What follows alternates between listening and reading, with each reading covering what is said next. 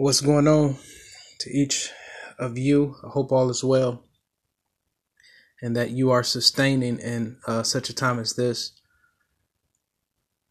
Um, just wanted to get on for a few moments um, and just drop what is on my spirit um, into your ears, and maybe this will encourage you wherever you are um, to keep pressing.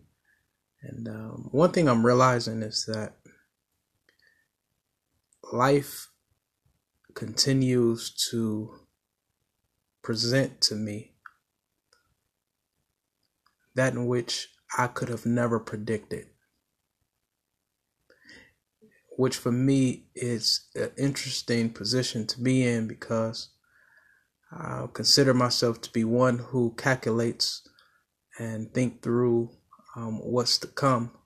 But when uh, life presents to you um, mysteries and things that you are not ready for, or you perceive that you're not ready for.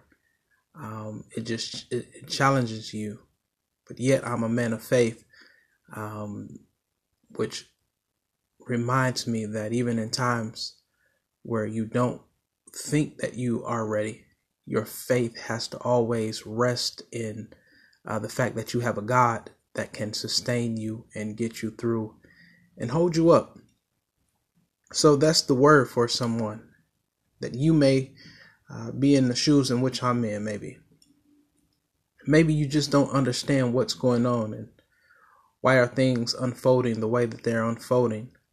Um, but the reality of it is, is that God is in control and that God's plan is something that God has had already foreordained, but yet if you trust and believe in him, you will um, you, know that God had the foreknowledge of of choosing you and that you are you're going to come out of what you're going through on top.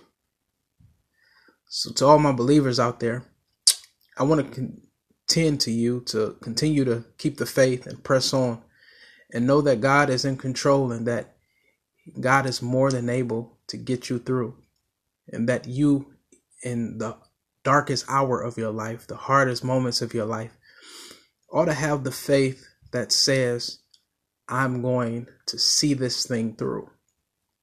That regardless of what life throws at me, I know that God would not fail me and that God is with me in spite of what it looks like. It may be dark, it may be gloomy, it may be windy, it may not be uh, the season in which you think it should be, but yet and still your faith has to rear up in confidence to know that the sunshine is going uh, to come again, that dark clouds will roll away, that the wind will stop, and that you will gain a sense of peace. The peace that comes when we keep our minds on God, that He has the ability to keep you in perfect peace when we choose to keep our mind stayed on Him. And I'm not saying that there are times in which uh, events in your life take place that causes you to shift and to think on your reality or think on what happened.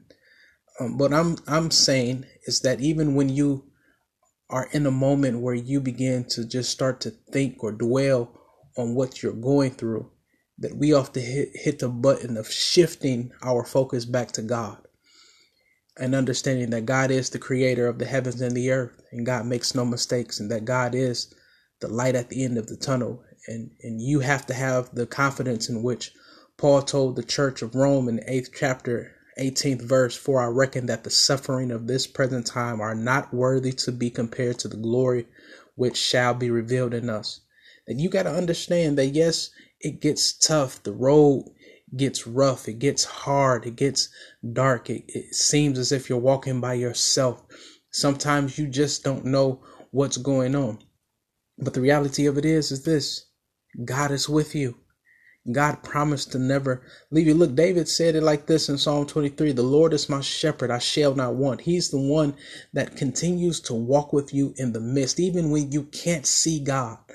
God is right there with you. So I just want to encourage you wherever you are, wherever you're headed to, that Your season is shifting for the better, and things are getting brighter. It's getting better. It's getting clearer, and God is going to make a way out. Listen, have that faith. That faith is what just the just live by. Have your faith. Continue to talk to God and worship and pray and find a way that even in the darkest of your circumstance, you can look towards God and you can praise Him for what He's already done. Yes, it may be tough right now, but you can praise God for what He has already done. What has He already done? He He He made ways for you. He sustained you. He kept you. There were times where you should have given up and you could have died or something tragic should have happened to you and could have happened to it. Maybe it did, but in spite of it all, you made it out of this. And because you made it out of that, I promise you, the road ahead is going to get better. It's okay. Our life is destined to be filled of swift transitions and struggles, but God promised to be with us through them all and that I want to contend to you to continue to press your way and know that God has a word for your situation and that you're going to come out of this on top.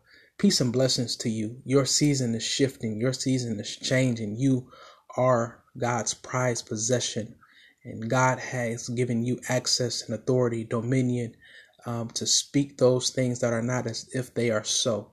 So, the things in which you don't see now, begin to speak life over those things right now. And the reality of it is continue to speak life. Your your tongue has life and death in it. So you can speak life into your circumstance. You can speak life into your situation.